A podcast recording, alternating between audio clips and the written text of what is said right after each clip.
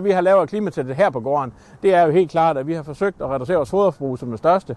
Vi har lavet øh, hurtig gyldeudslusning, vi har lavet gyldekøling, vi har lavet luftrensning, og, og så optimering af vores foderblandinger hele tiden. Det er det, vi kører med. De lavest hængende frugter, det er jo foderforbrug, foderforbrug, foderforbrug. Altså læring af det fra det sidste hold, og hele tiden have, have datadrevet beslutningsgrundlag.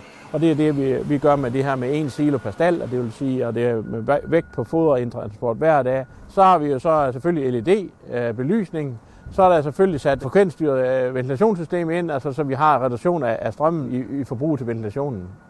Så har vi gyldekøling, så vi køler gylden hele tiden og bruger varmen i stallen til at rumme og varme stallene samtidig med.